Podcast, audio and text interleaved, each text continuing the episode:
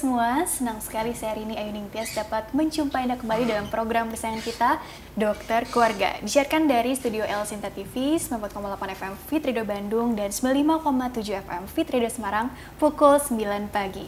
Hari ini kita akan bahas seputar kesehatan anak yaitu dengan tema yang sangat penting dan juga menarik yaitu mengenai pengenalan gejala dini kanker pada anak. Bagi Anda yang ingin tanya silakan kirim saja pertanyaan Anda ke email kami di dokterkeluarga@ tv@gmail.com ya. Dan acara ini juga bisa dinikmati di Spotify Dokter Keluarga.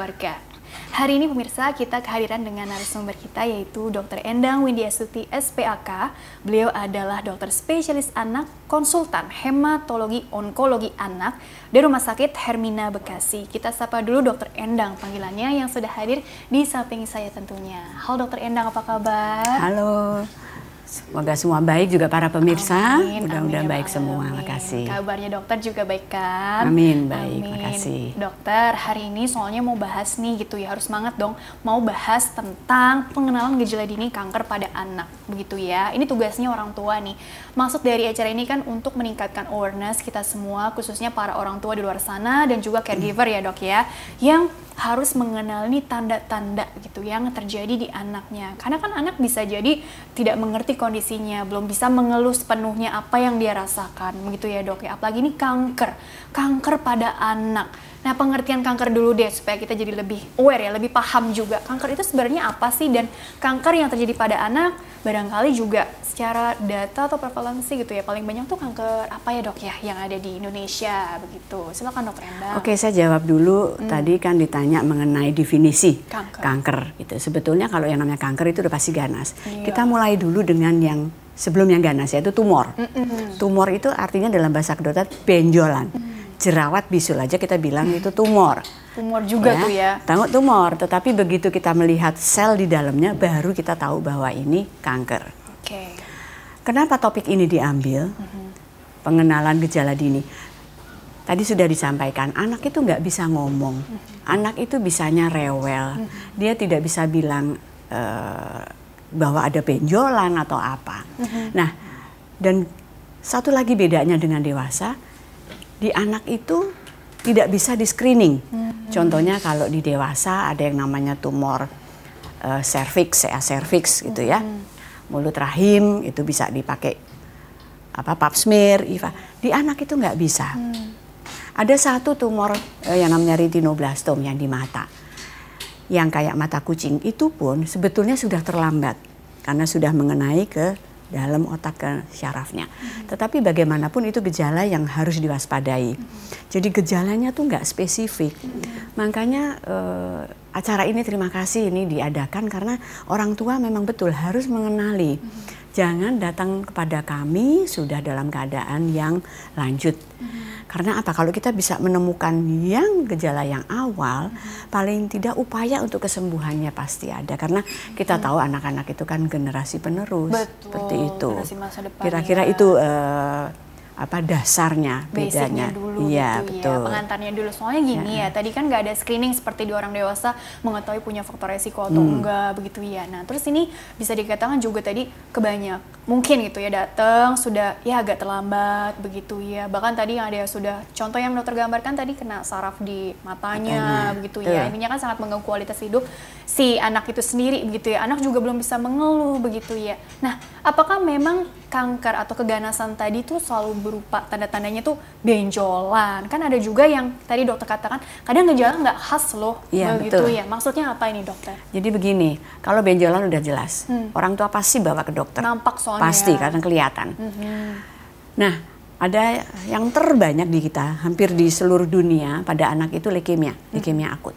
Leukemia akut itu gejalanya nggak khas. Hmm. Ya, ada demam, demam yang berkepanjangan lebih dari dua minggu, dan pak orang tua pasien pasti udah ke dokter, udah dikasih segala macam obat. Setelah itu mulai kelihatan pucat dan mulai kelihatan ada lebam-lebam di uh, kulit di kaki. Nah itu tiga itu yaitu pucat, demam dan perdarahan. Hmm. Lalu tiga ini yang harus diwaspadai karena tidak khas. Hmm. Nanti setelahnya baru kelihatan, oh ada mulai ada benjolan, mulai perutnya membesar hmm. karena mulai menyebar ke mana-mana. Hmm, tidak khas. Kadang-kadang juga ada yang tidak khas, misalnya kita tahu bahwa dari telinga kadang-kadang suka keluar cairan, lalu ke dokter atau ke puskesmas dikasih obat.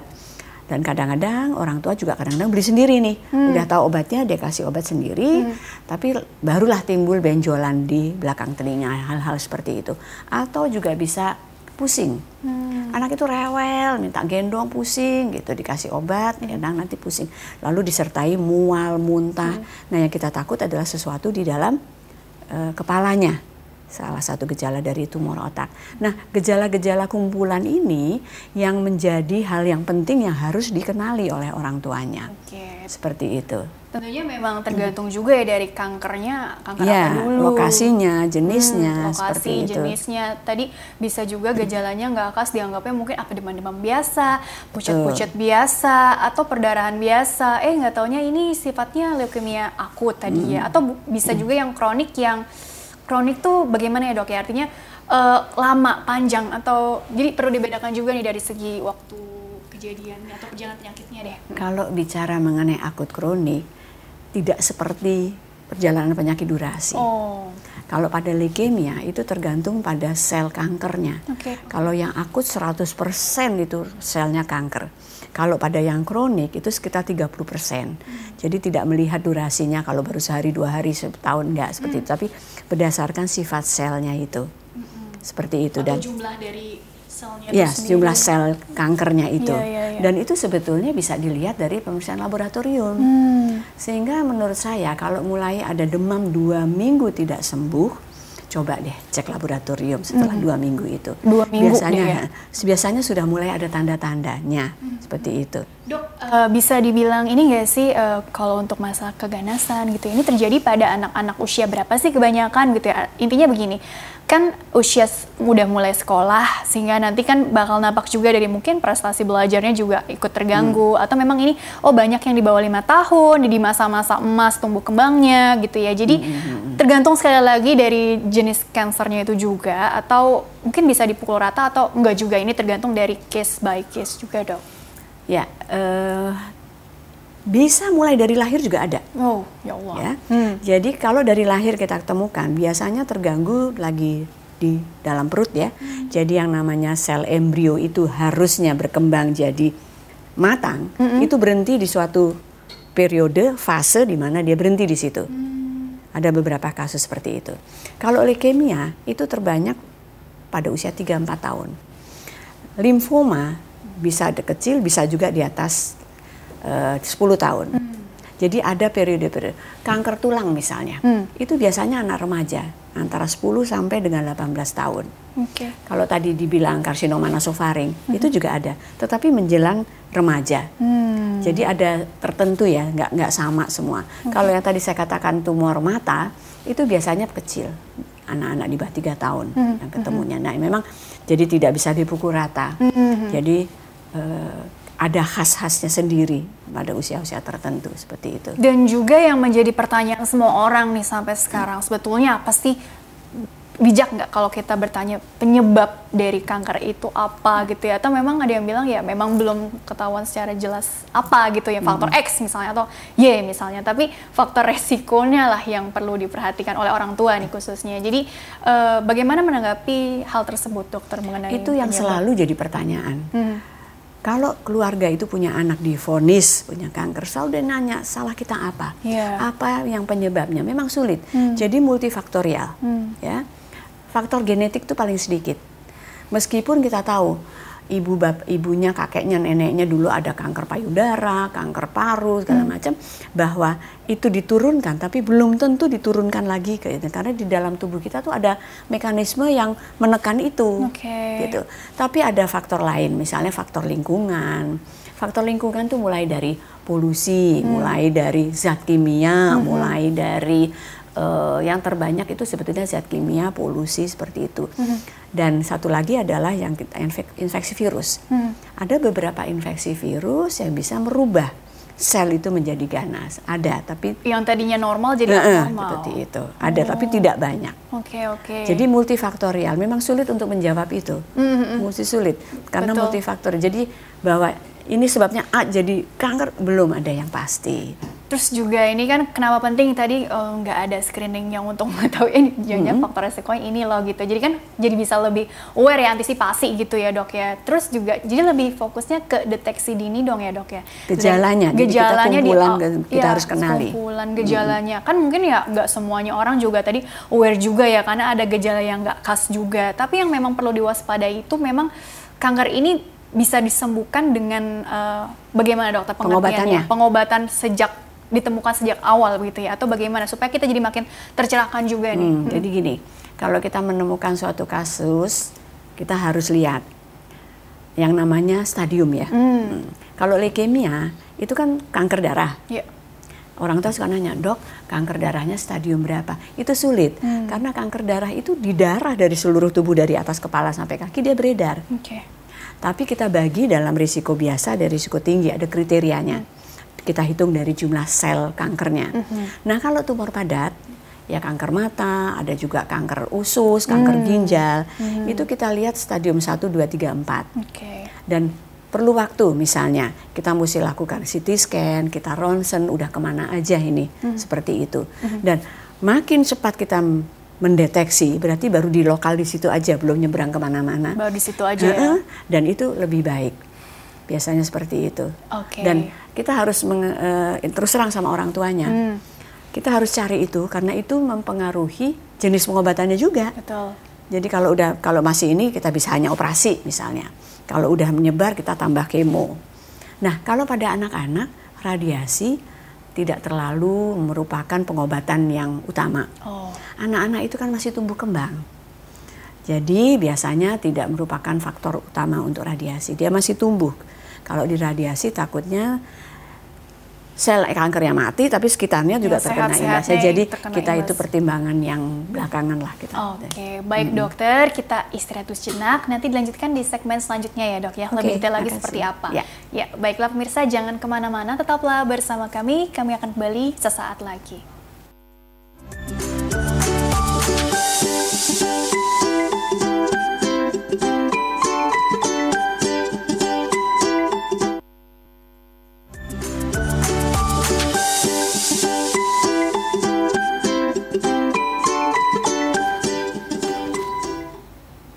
Ya pemirsa terima kasih Anda masih bersama kami di program Dokter Keluarga. Masih membahas mengenai pengenalan gejala dini kanker pada anak Bersama dengan Dr. Endang Widya Suti SPAK Beliau adalah dokter spesialis anak konsultan hematologi onkologi anak di Rumah Sakit Hermina Bekasi Dan Dr. Endang kita lanjutkan kembali ya perbincangannya Jadi memang ini tugasnya orang tua atau caregiver atau siapa pun uh, yang berada di sekitar anak gitu ya sehari-harinya bantu mengawasi anak, menjaga anak gitu ya untuk mengenali kira-kira perubahan fisik apa sih yang ternyata itu bagian dari simptom, sekumpulan simptom tadi atau mungkin perubahan emosi, perubahan psikologi segala macam. Intinya kan bisa kompleks, bisa beragam.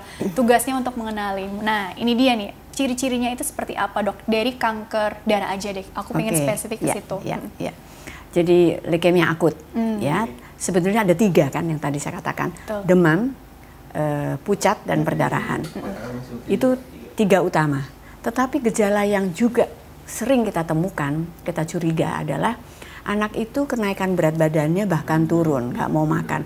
Meskipun ibunya ngasih makan kesukaannya, okay. dia nggak mau. Uh-huh. Itu pentingnya ya anak-anak di balita atau itu ada apa grafik kenaikan berat badan. Uh-huh salah satunya rewel hmm. nggak hmm. karuan dikasih makanan kesukaannya dan itu berlangsung anak itu jadi emosinya apa karena nggak nyaman nggak bisa main hmm. anak-anak itu menjadi lebih rewel hmm. ibunya jadi serba salah kadang-kadang minta gendong terus hmm. karena intinya leukemia itu selnya beredar di darah yang bisa menyebar ke tulang misalnya yeah. ya kan sehingga dia nyeri mau mau jalan anak itu kan nggak bisa bohong begitu dia enak pasti dia lari dia turun mau main nah kalau kita lihat ini pasti menjadi justru orang tua tuh membawa ke dokter untuk cari karena anaknya berat badannya turun, hmm. rewel. Mm -hmm. Sebelum ada benjolan dan biasanya baru kelihatan bu pucat ibunya baru oh iya pucat ini biru biru mulai kapan hmm. seperti itu hmm. tapi yang terutama yang dia bawa tuh karena nggak mau makan hmm. berat badannya turun hmm. rewel anak itu kalau yang masih di bawah tujuh tahun kadang-kadang minta gendong terus itu itu sebetulnya gejala. Jadi betul saya setuju sekali kalau orang di sekitarnya itu juga harus tahu bahwa anak ini kalau mulai nggak mau makan dikasih makan kesayangannya, kesukaannya, nggak mau itu pasti ada sesuatu yang dia rasakan. Karena nafsu makannya juga. Iya terpengaruh. Hmm. Sel kanker itu mengeluarkan zat yang menekan, membuat mual. Oke. Okay. Gitu. Jadi begitu ya. Hmm. Jadi itu udah tanda-tanda yang memang harus yeah. dikenali dan yeah. harus segera ya dibawa itu bagus tuh langsung dibawa ke dokter hmm. anak untuk dikonsulkan. Hmm. Dicari tahu apa sih penyebabnya begitu ya. Kenapa sih dikasih makanan yang kesukaannya aja nggak mau gitu ya. Rewel. Dan rewel gitu segala macam. Dan berat badan juga tadi artinya dibuktikan secara fisik juga mengalami penurunan hmm. gitu ya dok ya. Dan kemudian pemeriksaannya itu paling nggak dengan pemeriksaan darah atau darah, tentunya dengan wawancara tadi kan. Iya, jadi sebelumnya hmm. kan kita tanya dulu gejalanya iya. mulai kapan, ini kapan kapan kita periksa hmm. pemeriksaan fisik tentunya kita hmm. cari ada benjolan nggak hmm. ada tanda-tanda perdarahan nggak pucat nah biasanya kita lebih senang melihat dari telapak tangan oke okay. telapak tangannya seperti apa itu seperti itu pucat kita hmm. bandingkan dengan ibunya hmm. bu lihat di ujung sini mata nggak bisa dipakai karena anak nangis merah. Oke. Okay. Jadi biasanya kita tangan ibunya atau bapaknya lihat di ujung biasanya merah. Hmm. Anaknya bisa lihat, ibu lihat kan anaknya berbeda, pucat seperti itu. Kita cari juga tanda-tanda perdarahan ada enggak. Kita cari ada pembesaran kelenjar atau enggak sehingga kita utuh dari atas sampai bawah. Baru kita cek laboratorium. Okay. Seperti itu. Jadi secara fisik dicek dulu, Cek dulu. di daerah mana aja hmm. dari atas ujung kepala sampai ujung kaki hmm. dicari tahu, kemudian baru dilakukan pemeriksaan penunjang, ya. pemeriksaan hmm, fisik. Ini apalagi tadi ada demam juga segala ya, macam. Ini mau dilihat dari apa sih dari hasil cek darahnya ini untuk memastikan jumlah apanya barangkali? Sebenarnya yang paling sederhana hmm. itu dari hemoglobin hmm. HB. HB-nya. Nah, biasa itu turun. Leukosit. Leukosit ini kalau orang awam bilang leukemi itu adalah penyakit sel darah putih makan sel darah putih gitu ya. Mm-hmm. Tapi sebetulnya betul. Mm-hmm. Jadi yang namanya leukemia akut itu adalah keganasan yang dari sel darah putih mm-hmm. dari leukosit. Mm-hmm. Nah itu leukosit itu ada yang namanya nanti uh, hitung jenis. Hmm. Nanti kelihatan tuh dari laboratorium dan kalau laboratorium tidak semua laboratorium, ada laboratorium yang bisa mendeteksi adanya sel leukemia.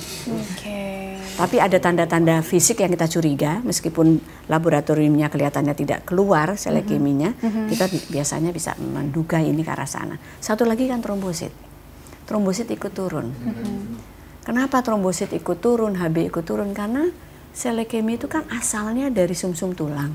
Sumsum -sum tulang itu pabrik hmm. dari semua sel, sel okay. darah merah, sel darah putih dan trombosit. Bayangkan kalau pabriknya itu diisi oleh sel yang nggak normal. Jadi yang yang harusnya menghasilkan HB, yang hasilnya trombosit itu nggak bisa dibentuk dengan normal. Gitu. Jadi pastikannya dari sumsum -sum tulang belakangnya ini pemeriksaannya dari, itu ya. ya Oke, okay, hmm, kita ambil tahu dari situ. Terjadi terganggu ada gangguan di pabriknya iya, tadi ya, ya dok ya. Hmm. Diisi oleh sel-sel yang abnormal. Betul, gitu betul, ya. betul, betul. Baiklah, dokter.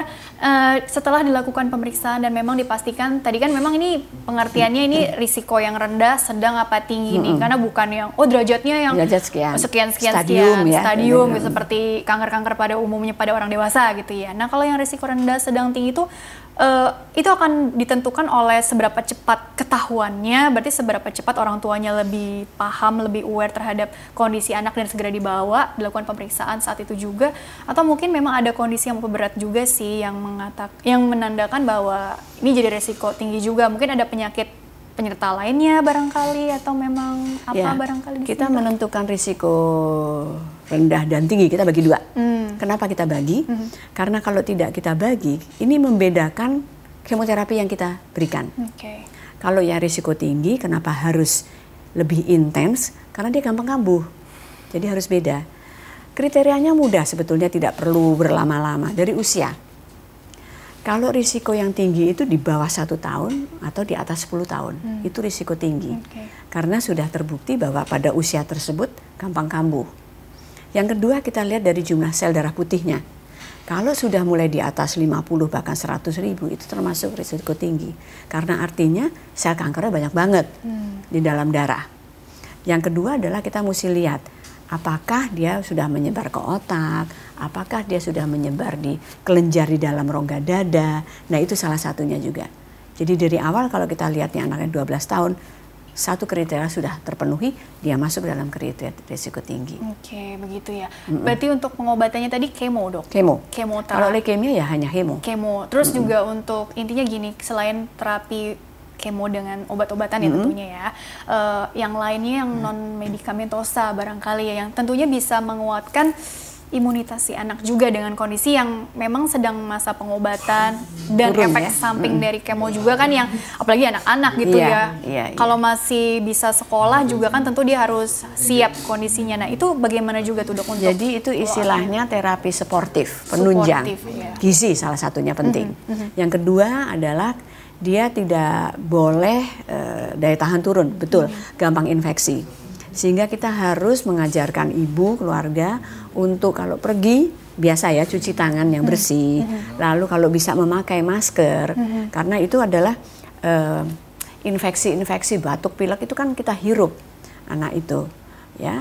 Lalu misalnya dia perlu kemoterapi memang bisa menyebabkan pucat bisa menyebabkan lagi trombosit turun. Ya kita harus memberikan transfusi. Hmm. seperti itu.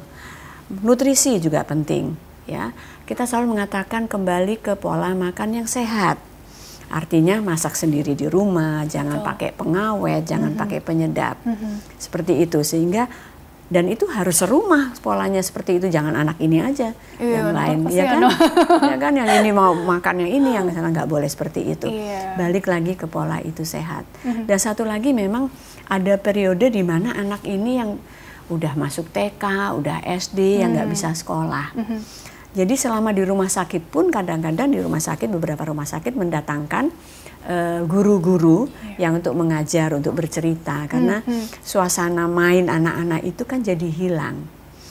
Pengobatan leukemia akut itu dua tahun, hmm. tapi bukan berarti dua tahun itu harus dirawat semua, enggak. Hmm, hmm.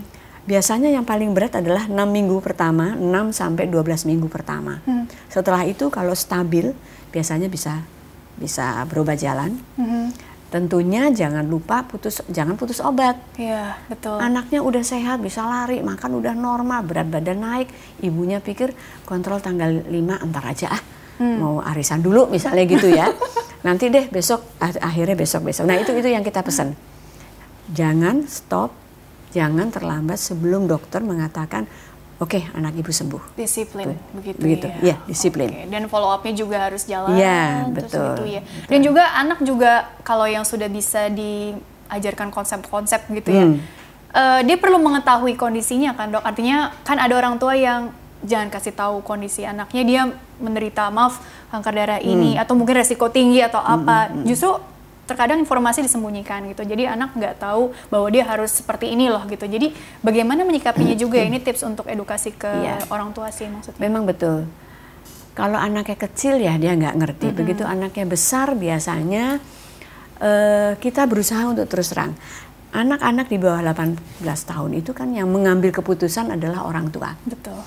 Ya, tapi anak zaman sekarang dia kadang-kadang mengetahui sendiri dari internet, internet dari itu ya. Mm-hmm. Jadi kami memfasilitasi sebetulnya ya de, dari orang tua biasanya gini nanti dok saya ngomong dulu hmm. saya dulu hmm. tapi selalu kita bilang kita mesti terus terang apalagi anak misalnya udah kelas 4 5 6 SMP yeah. itu pasti dia tahu nih pasti dia baca nih obatnya ini dia buka dia tahu itu kemo cari tahu sendiri ya, ya.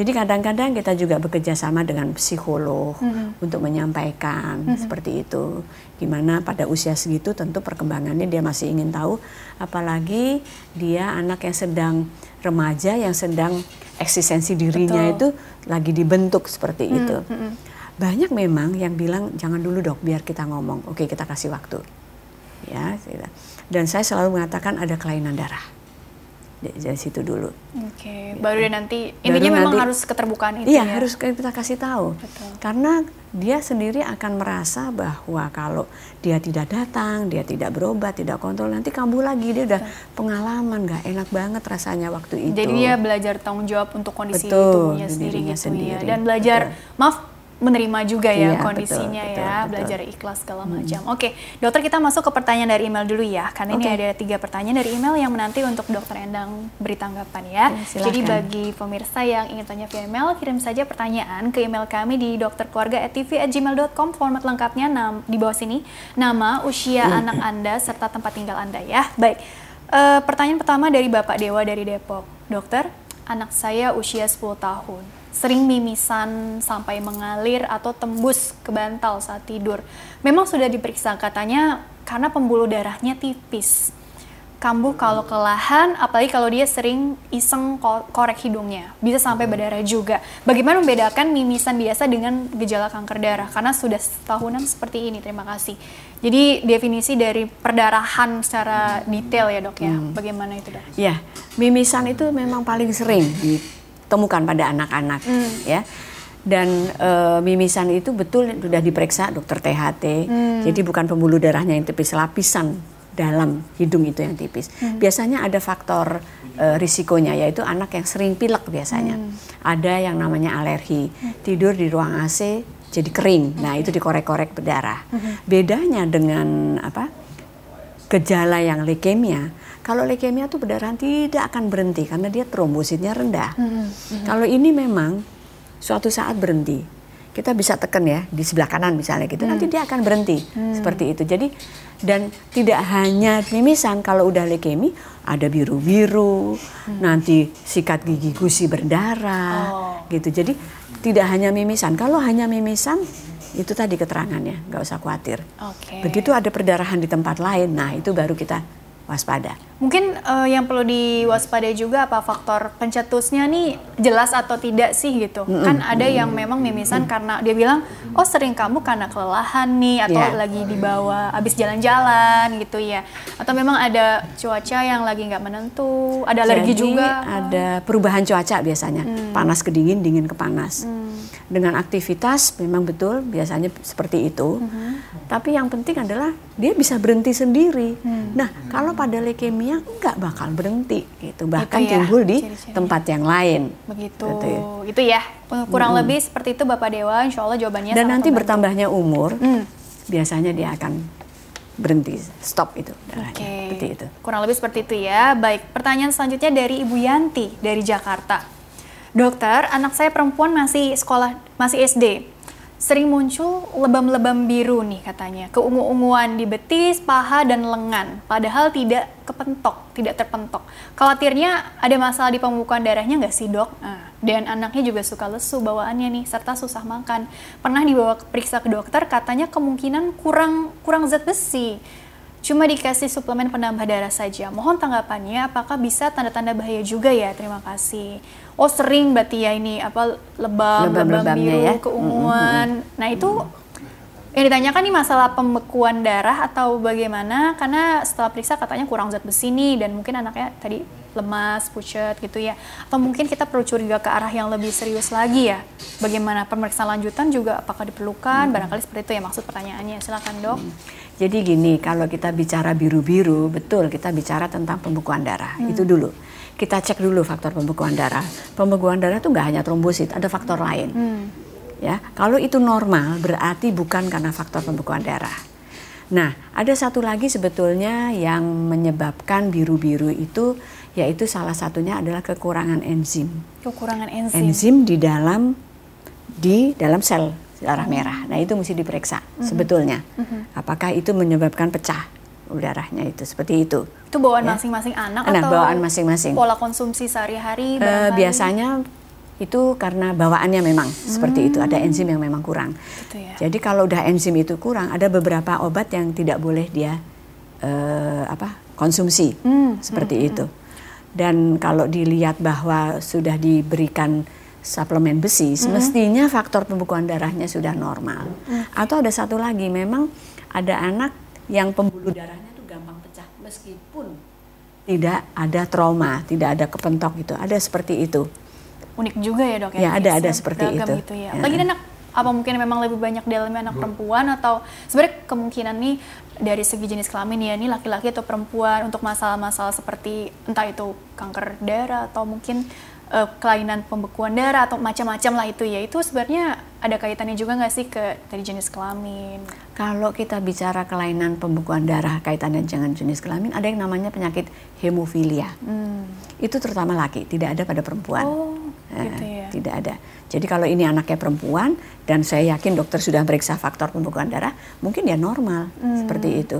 Mungkin faktor pembekuan darah apa pembuluh darah yang gampang pecah. Pembuluh darah yang nah, gampang pecah. Ya. Biasanya lebih baik makan apa vitamin C yang cukup, biasanya bisa. Oke, begitu ya darah. sarannya hmm. ya. Baik, pertanyaan selanjutnya dulu deh dari Bapak Alex dari Jakarta. Dokter, Istri saya kadar HB-nya berada di kisaran 7,8 sampai 8,1. Saat ini sedang hamil anak pertama usia 30 tahun. Disarankan oleh dokter kandungannya barangkali ya ini ya. Untuk screening resiko talasemia. mohon penjelasan untuk talasemia yang bisa dialami pada anak-anak ya dokter. Terima kasih. Nah ini tadi kanker darah, leukemia, ini talasemia. Mungkin orang bertanya-tanya bedanya apa gitu jelas berbeda tapi apa maksudnya begitu ya karena hmm. ini perlu di screening nih saran dari dokternya begitu dokter hmm. Hmm. saya jelaskan dulu talasemia itu apa sih gitu hmm. ya hmm. talasemia itu memang dibawa dari lahir hmm. dibawa dari kedua orang tuanya nggak mungkin dia ujuk-ujuk sakit okay, gitu okay. dan itu umur darah yang normalnya 120 hari dia nggak sampai jadi makanya pucat hmm. nah ya e, pada seorang ibu hamil bisa dua kemungkinannya mungkin juga pembawa sifat talasemi ya hmm. atau memang kekurangan zat besi hmm. bisa. Hmm.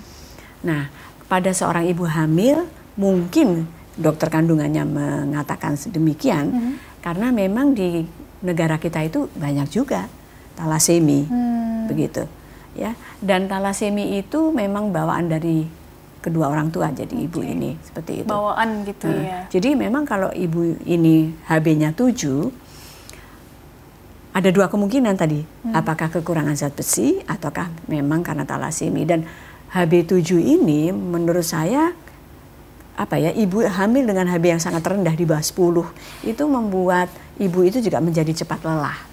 Mungkin perlu konsultasi lebih lanjut ke dokter kandungannya. Oke, seperti itu ya. dan dicari apakah hmm. ini memang zat besinya normal atau tidak, hmm. seperti itu. Uh, tapi kita kembali lagi ke topik kita ya, Dok ya. Sebenarnya hmm. bila dikaitkan ke faktor resiko tadi pola konsumsi sehari-hari. Tadi dokter kan sering membahas nih hmm. zat besi lah, enzim lah atau apa gitu. Ini uh, juga erat kaitannya nggak sih? Apa mungkin udah ada penelitiannya atau sebenarnya ini ya hanya orang sering mengkait-kaitkan saja gitu ya pola makan yang tadi mungkin kurang zat besi atau kurang enzim atau kurang zat gizi tertentu lah bisa dibilang jadi meningkatkan resiko juga anak jadi gampang infeksi terus jadi sel-sel yang tadinya maaf normal jadi tiba-tiba jadi tumbuh jadi liar gitu ya, mm -hmm. jadi abnormal gitu. Ya, karena etiologi apa penyebabnya nggak tahu. Mm -hmm.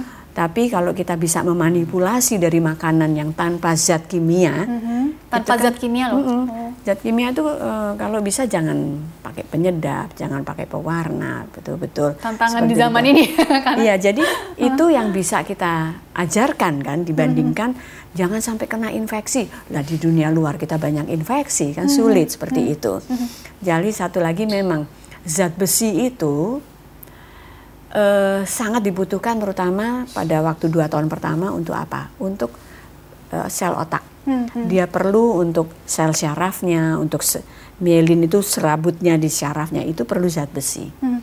Seperti itu. Sehingga kalau kita balik lagi tadi ibu hamil kalau zat besinya kurang, itu nanti akan ke bayinya juga kurang gitu. Jadi dokternya harus ngecek dulu seperti itu. Screening uh, gitu ya. Mm -mm, ke arah sana. Jadi sebetulnya dari makanan inilah yang mulai untuk daya tahan tuh yang paling bagus kan protein hewani, hmm. Ikan, hmm. seperti itu, telur. Anak itu perlu masih perlu susu seperti hmm. itu. Ini bagian dari treatmentnya tadi yang uh, terapi suportif ya? ya Berarti pola sportif. makannya yang tinggi protein Betul. atau bagaimana hmm. nih dok? Ya, hmm. jadi anak menurut saya ya anak-anak kita tuh kan jarang makan ikan ya, betul nggak? nah itu sebetulnya dia perlu susu, dia perlu telur, perlu ikan, perlu hmm. daging, hmm. ya dan sayuran tentunya. Tapi yang paling penting untuk daya tahan, untuk tinggi badan itu protein, hmm. Hmm. Hmm. protein hewani. Hewani loh nah, ya. Nabati juga perlu karena ada seratnya. Hmm. Jadi untuk ininya bagus untuk pencernakannya. Okay. Seperti itu. Itu bagian dari terapi suportif, suportif ya untuk betul, uh, betul. tadi anak-anak penyandang kanker ya. Baik hmm. dokter, kita jeda dulu sebentar dilanjutkan nanti di segmen terakhir sekaligus closing statement dari dokter ya. Baiklah pemirsa, jangan ke mana-mana, tetaplah bersama kami. Kami akan kembali sesaat lagi.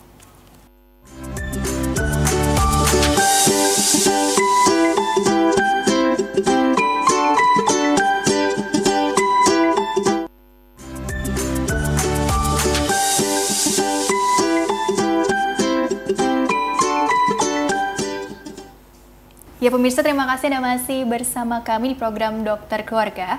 Masih membahas mengenai pengenalan gejala dini kanker pada anak bersama dengan Dr. Endang Windia Stuti SPAK. Beliau adalah dokter spesialis anak, konsultan hematologi onkologi anak di Rumah Sakit Hermina Bekasi. Dr. Endang, lanjutkan kembali ya sebelum closing statement. Jadi sekarang nih yang bisa dibilang ini kita mau bahas ke arah ya udah benang merahnya gitu ya. Bagaimana sih sebagai orang tua atau caregiver keluarga besar yang memang sayang sekali dengan si anak ini yang penyandang kanker ini yang memang sedang berjuang melawan penyakitnya bagaimana cara menyikapinya mungkin dari memberikan kebutuhan anak dari terapi utamanya, terapi suportifnya, bantu anak meningkatkan kekebalan tubuhnya, menciptakan lingkungan yang oke okay tuh seperti apa, kualitas hidupnya juga jadi jauh lebih baik lah begitu dokter. Jadi betul kalau seorang satu keluarga mm-hmm. punya anak satu yang kanker memang merubah pola hidup semuanya. Mm-hmm.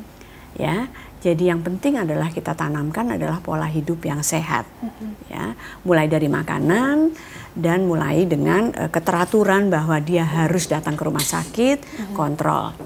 Nah, itu yang menjadi uh, kadang-kadang kendala di mana orang tua juga menjadi overprotective. Mm-hmm. Padahal anak ini pada fase, memang ada fase di mana sangat berat pada mungkin sekitar 12 minggu pertama atau 8 minggu 2 3 bulan pertama.